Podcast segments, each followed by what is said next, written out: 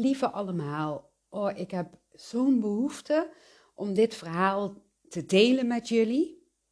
En waarom? Nou, ik heb sinds gisteravond een overleden jonge, overleden persoonlijkheid bij me. En die ken ik al, uh, ja, al heel lang. En ja, ik zit mij af te vragen, hoe zal ik dit verhaal beginnen? En dan zegt iets in me van, ja, begin gewoon bij het begin. Doe eens even, niet zo moeilijk. Oké, goed. Ik begin bij het begin. En dan ga ik dus heel ver terug in de tijd, want ik ben nu 49. En dit verhaal speelt zich af ongeveer 40 jaar geleden. Ik was toen een jaar of acht of negen, ik weet het niet meer precies. En ik woonde in een dorpje, een klein knus dorpje, en iedereen kende elkaar.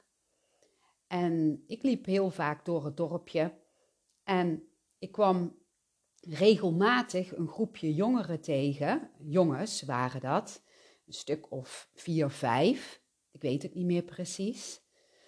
En een van die jongens, die had altijd een hele grote mond en die riep altijd van alles, maar ik weet ook niet meer precies wat. Maar wat ik wel heel goed weet, is dat ik daar ja, echt super bang van was. En ik probeerde altijd wel ja, te voorkomen dat ik ze tegenkwam.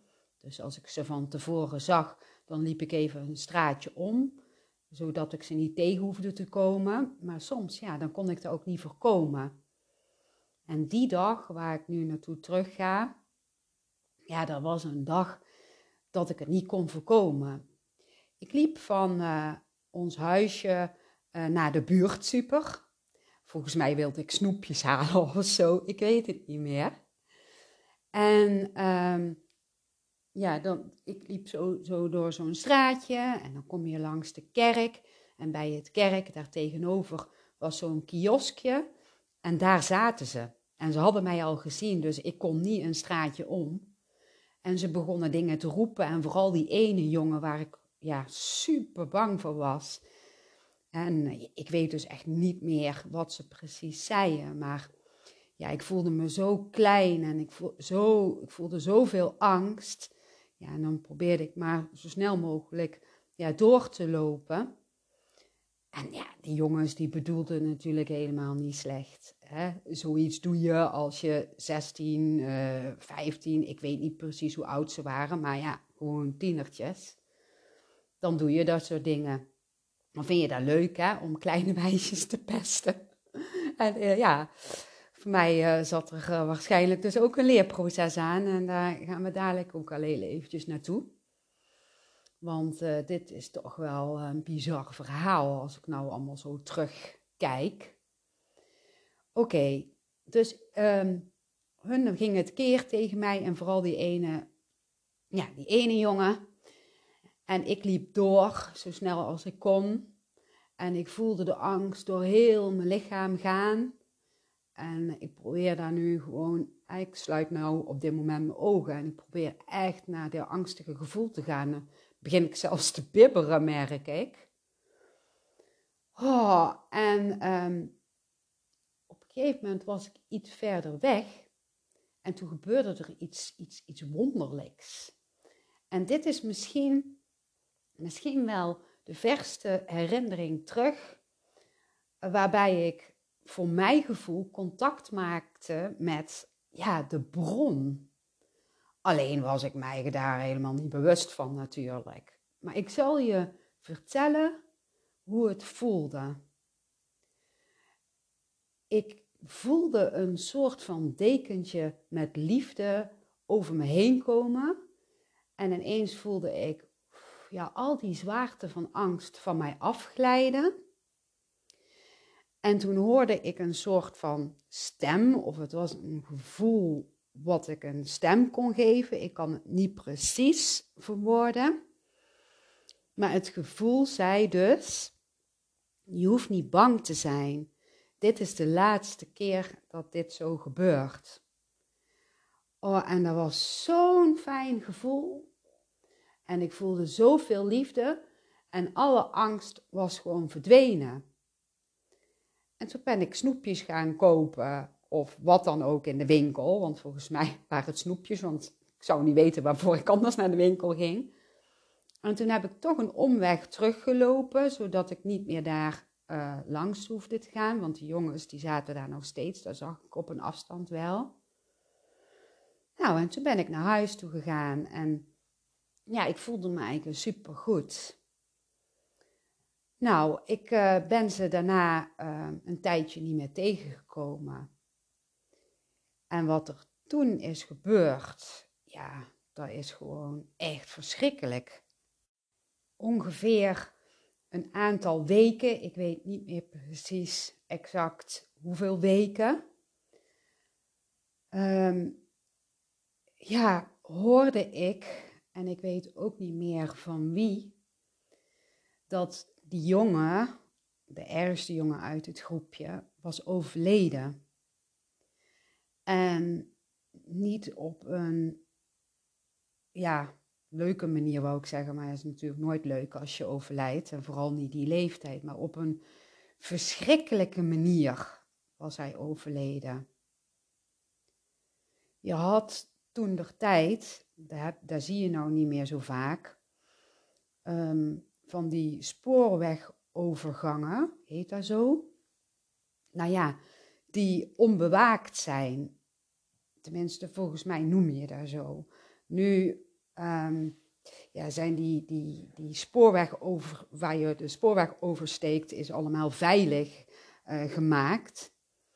Maar toen de tijd was dat nog helemaal niet zo veilig. Dan, dan moest je gewoon ja, uh, wachten. Hè? De spoorbomen gingen dan uh, ja, dicht als de trein eraan kwam. En die gingen weer open als de trein weg was. Maar wat er was gebeurd is dat die jongen met de brommer uh, overstak. Uh, ja, nog, nog net op tijd dacht hij, maar toen bleef hij vastzitten met zijn brommer op die rails, zoals ik heb begrepen. En toen kwam de trein eraan en zo is hij overleden.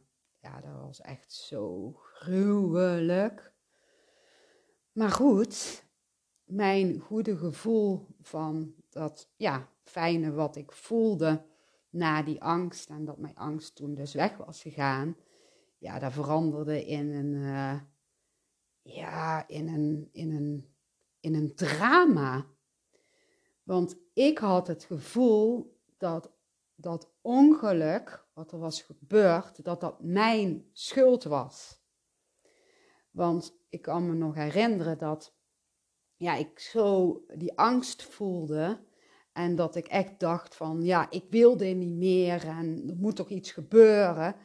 En dat ik toen ook ja, dat gevoel over mij heen kreeg van liefde en mijn angst dus wegviel. En ja, dat, dat, uh, dat er dus iets in mij zei, hè, ooit gaat dit voorbij. En ja, je hoeft niet meer, uh, niet meer bang te zijn. Dit is, dit is de laatste keer. Ja, zo, zo, zo voelde het. Oh. En ik voelde me zo schuldig. En ik heb dit nooit aan iemand durven te zeggen. Kom ik nou achter. Jullie zijn de eerste die dit horen. En ja, ik ben ook wel uh, opgevoed. Ja, of ja, niet echt opgevoed, maar mijn uh, ouders die waren katholiek, alhoewel mijn vader niks meer had met het katholieke geloof. Um, maar ben ik dus wel gedoopt en heb ik mijn communie gedaan en uh, vormsel heet dat geloof ik als je elf bent of zo. Uh, dus ik heb best wel vaak met ja, de kerk te maken gehad. En ja, het katholieke geloof uh, geeft ook ergens aan, als ik me nog goed herinner, ja, dat, dat als jij um, ja, slechte dingen doet, dat je dan bijvoorbeeld naar de hel toe gaat en zo. Hè? En ja, ergens geloofde ik daar niet in, maar toch ja, heb ik daar wel ergens dan meegekregen. En um, ja, zit daar toch wel ergens in je systeem dat je niet iets slechts durft uh, te doen. Maar nu had ik echt zoiets van, ja, maar dit, dit, dit wat er is gebeurd, dat is gewoon echt volledig mijn schuld. Dat komt echt door mij, door wat ik heb gedaan, door wat ik uh, ja, heb gedacht. En ja, door, door dat gevoel en alles. Dat, oh, het was zo heftig. En die jongen, die had een hele lieve familie. En die familie die woonde, ja, eigenlijk wel, ja, bijna bij ons in de straat. Dus als je onze straat had, dan was om het hoekje nog een straatje. En ja, daar woonde die familie, een hele liefdevolle familie. En die jongen, die, die, die, die was gewoon heel anders als die familie. En die familie, die was zo verdrietig. Ja, je hoort dat, je ziet dat. En oh, ik bleef mij maar super schuldig voelen. En ik durfde niks tegen niemand te zeggen. En ja, ik, ik, ik, ik moest er echt ja, heel vaak om huilen. En ik wist gewoon niet ja, wat ik moest doen. Want als ik het zou zeggen tegen iemand, dan zou, ja, dan zou ik helemaal de schuld van alles krijgen. Dus ja, ik, ik, ik wist het gewoon niet meer. Toen der tijd voelde ik ook wel de energie van overleden mensen. Maar ik durfde op een of andere manier niet contact te leggen uh, met deze jongen. En toen der tijd voelde ik alleen de energie van overleden mensen en kon ik nog natuurlijk helemaal niet bewust communiceren zoals ik nu doe. En ja, dat was ook wel heel erg lastig. En ik kwam uh, best wel vaak toen der tijd ook um, ja, op het kerkhof waar mijn overleden broertje begraven lag. En heel lang heb ik niet naar uh, zijn graf durven gaan, omdat ik dus gewoon enorm zat met, met het schuldgevoel. Uiteindelijk ben ik daar toch naartoe gegaan en heb ik op mijn manier, um, ja, ik weet niet meer precies hoe het is gegaan, eerlijk gezegd. Maar ik, ik, ik voelde wel dat ik daar bloemetjes neer heb gelegd en, en ja, sorry heb gezegd en, en alles. Ik weet het niet meer precies. ik weet wel, ja, dat ik het op een gegeven moment los mocht gaan laten, maar hoe ik dat heb gedaan, ik zou het echt niet weten. En ergens heb ik het dus helemaal nog niet uh, zo losgelaten. Uh, ja, hoe moet ik dat nou zeggen? Nou ja, ik kwam er gewoon gisteravond pas achter. Toen ik dus ineens hem voor me zag staan. En ja, hij mij dus uh, ja, dit, uh, dit verhaal uh, hielp te herinneren, kwam ik er ineens achter van, wacht eens eventjes. Maar er, er zit nog iets in mijn systeem wat betreft schuldgevoel, wat ik op een nog dieper niveau los mag laten. Maar op een of andere manier, ja, heb ik het ergens losgelaten dacht ik, maar eerder geparkeerd. Zo van, oké, we stoppen dat gewoon weg, Sandra, want ja, dan, dan hoef je daar niet meer naartoe terug. Dus dat is eigenlijk een andere manier van loslaten. En nu, ja, nu kom ik ineens erachter van, ja, hoe, hoe bepaalde dingen in elkaar zitten bij mij. Ja, vooral waarom ik toch steeds in mijn leven uh, wilde voorkomen dat als het ja, niet goed zou aflopen met een ander, hè, dat, ja, dat ik daar op een of andere manier. Oh, ik hoop wel dat het allemaal duidelijk is hoe ik het zeg. Maar ik bedoel dus dat ik op een of andere manier ja, bang was dat als ik. Uh, ik kom gewoon echt helemaal niet uit mijn woorden. Ja, dat ik dus heel mijn leven lang, of bijna heel mijn leven lang dan, ja, steeds aan het, uh, ja, steeds probeerde te voorkomen dat het niet goed op, af zou lopen met, met anderen. dus ehm, ja, ergens uh, de verantwoordelijkheid van de ander op mij nam, of als iemand um, ja, niet leuk tegen mij deed, om dan toch maar gewoon uh, leuk te doen en um, niet goed durfde mij grenzen aan te geven, omdat ik bang was dat als ik mijn grenzen aangaf, dat er dan dus met iemand iets zou gebeuren. Jongen, jongen, wat een week op call. Dus dat heeft daar wel grotendeels ook mee te maken. Kom ik ineens achter. En ik heb hier natuurlijk wel al um, uh, ja, me eigen een beetje meer in getraind om grenzen aan te geven. Maar grenzen aangeven blijft altijd gewoon voor mij irritant. Weet je wel, ik vind dat gewoon moeilijk. En vooral als het uh, om dierbaren gaat, dan, dan vind ik dat gewoon heel moeilijk om de grenzen aan te geven. En ik ben gewoon dan bang uh, ja, dat het met de ander verkeerd afloopt. Daar kom ik nou gewoon echt allemaal zo ineens achter, jongens. En waarschijnlijk heeft het er ook mee te maken dat ik weer in zo'n testfase um, ja, ben en misschien nog meer een beetje kom. Uh, waarbij ik weer mijn grenzen op een hoger niveau aan mag geven. Dat voel ik al enige tijd. En ik moet zeggen, het lukt, me aardig, maar moet ik niet hard roepen. maar met dit inzicht, ja, is het allemaal eens gewoon zo duidelijk. Het kleine meisje in mij, ja, die is dus nog steeds heel erg bang. En daar kwam ik dus gisteravond ineens achter.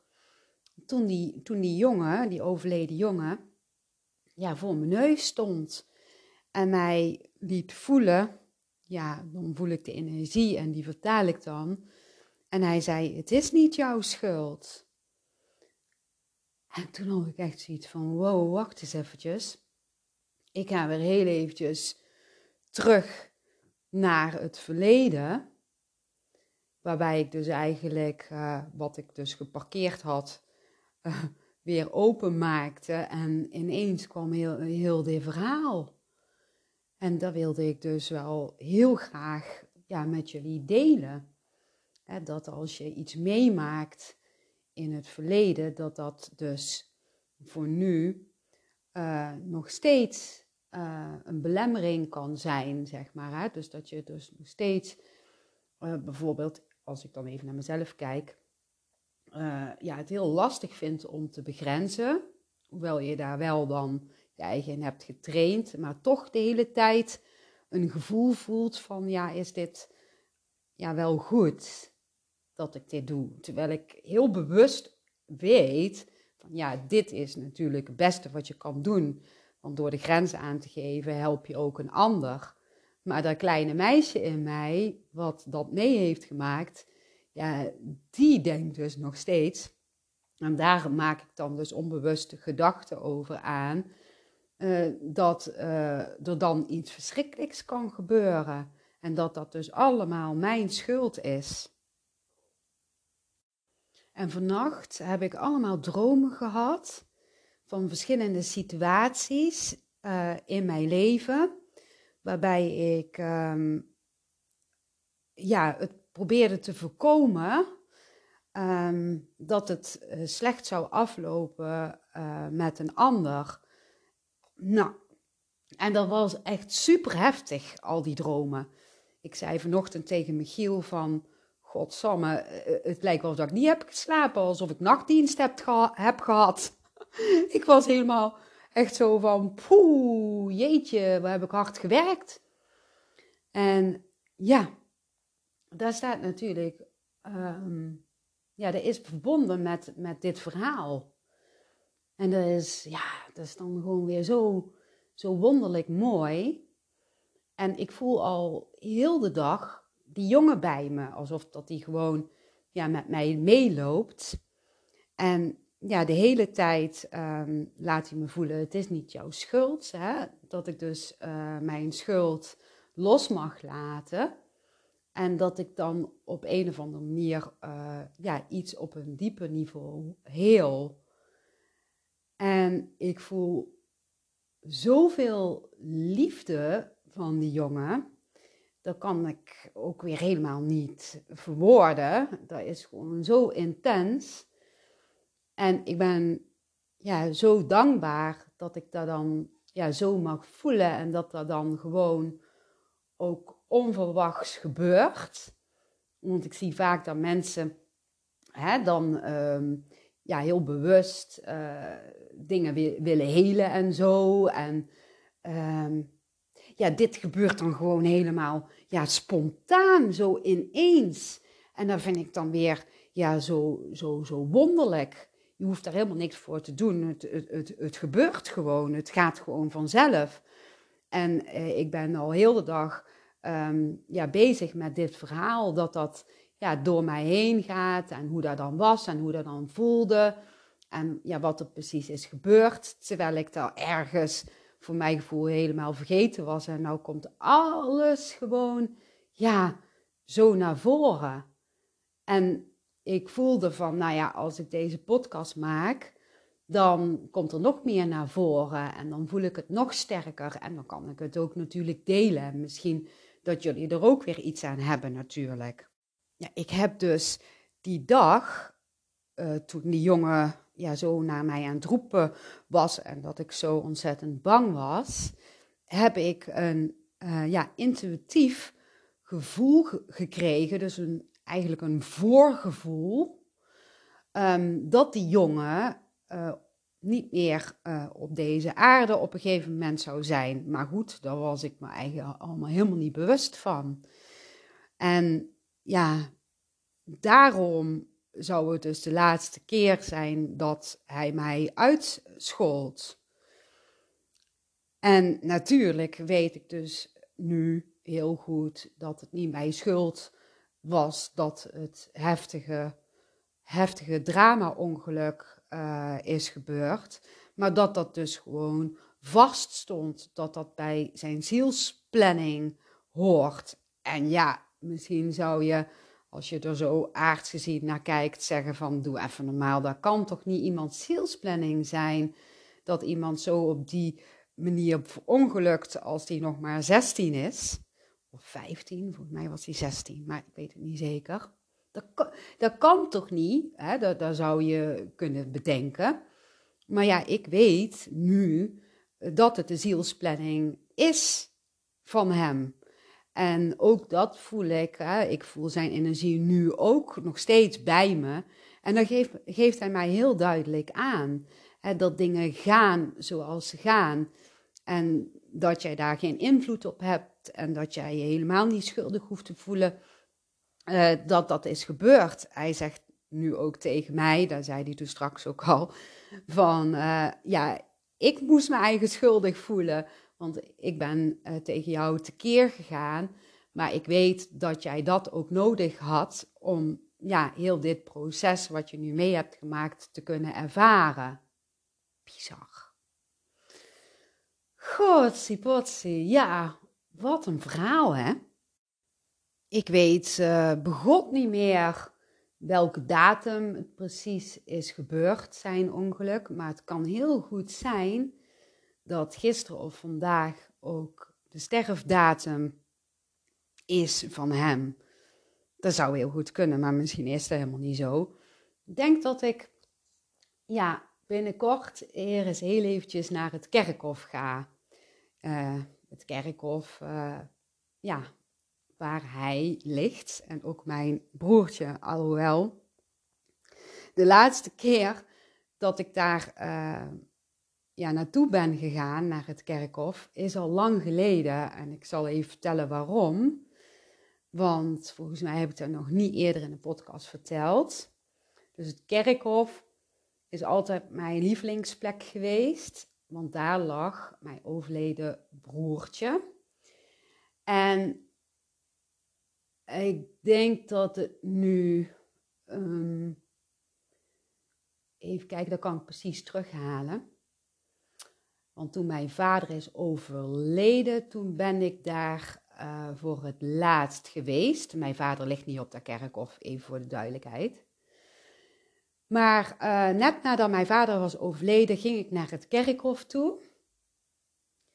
En ik kom aan bij het grafje waar ons Ronnie ligt.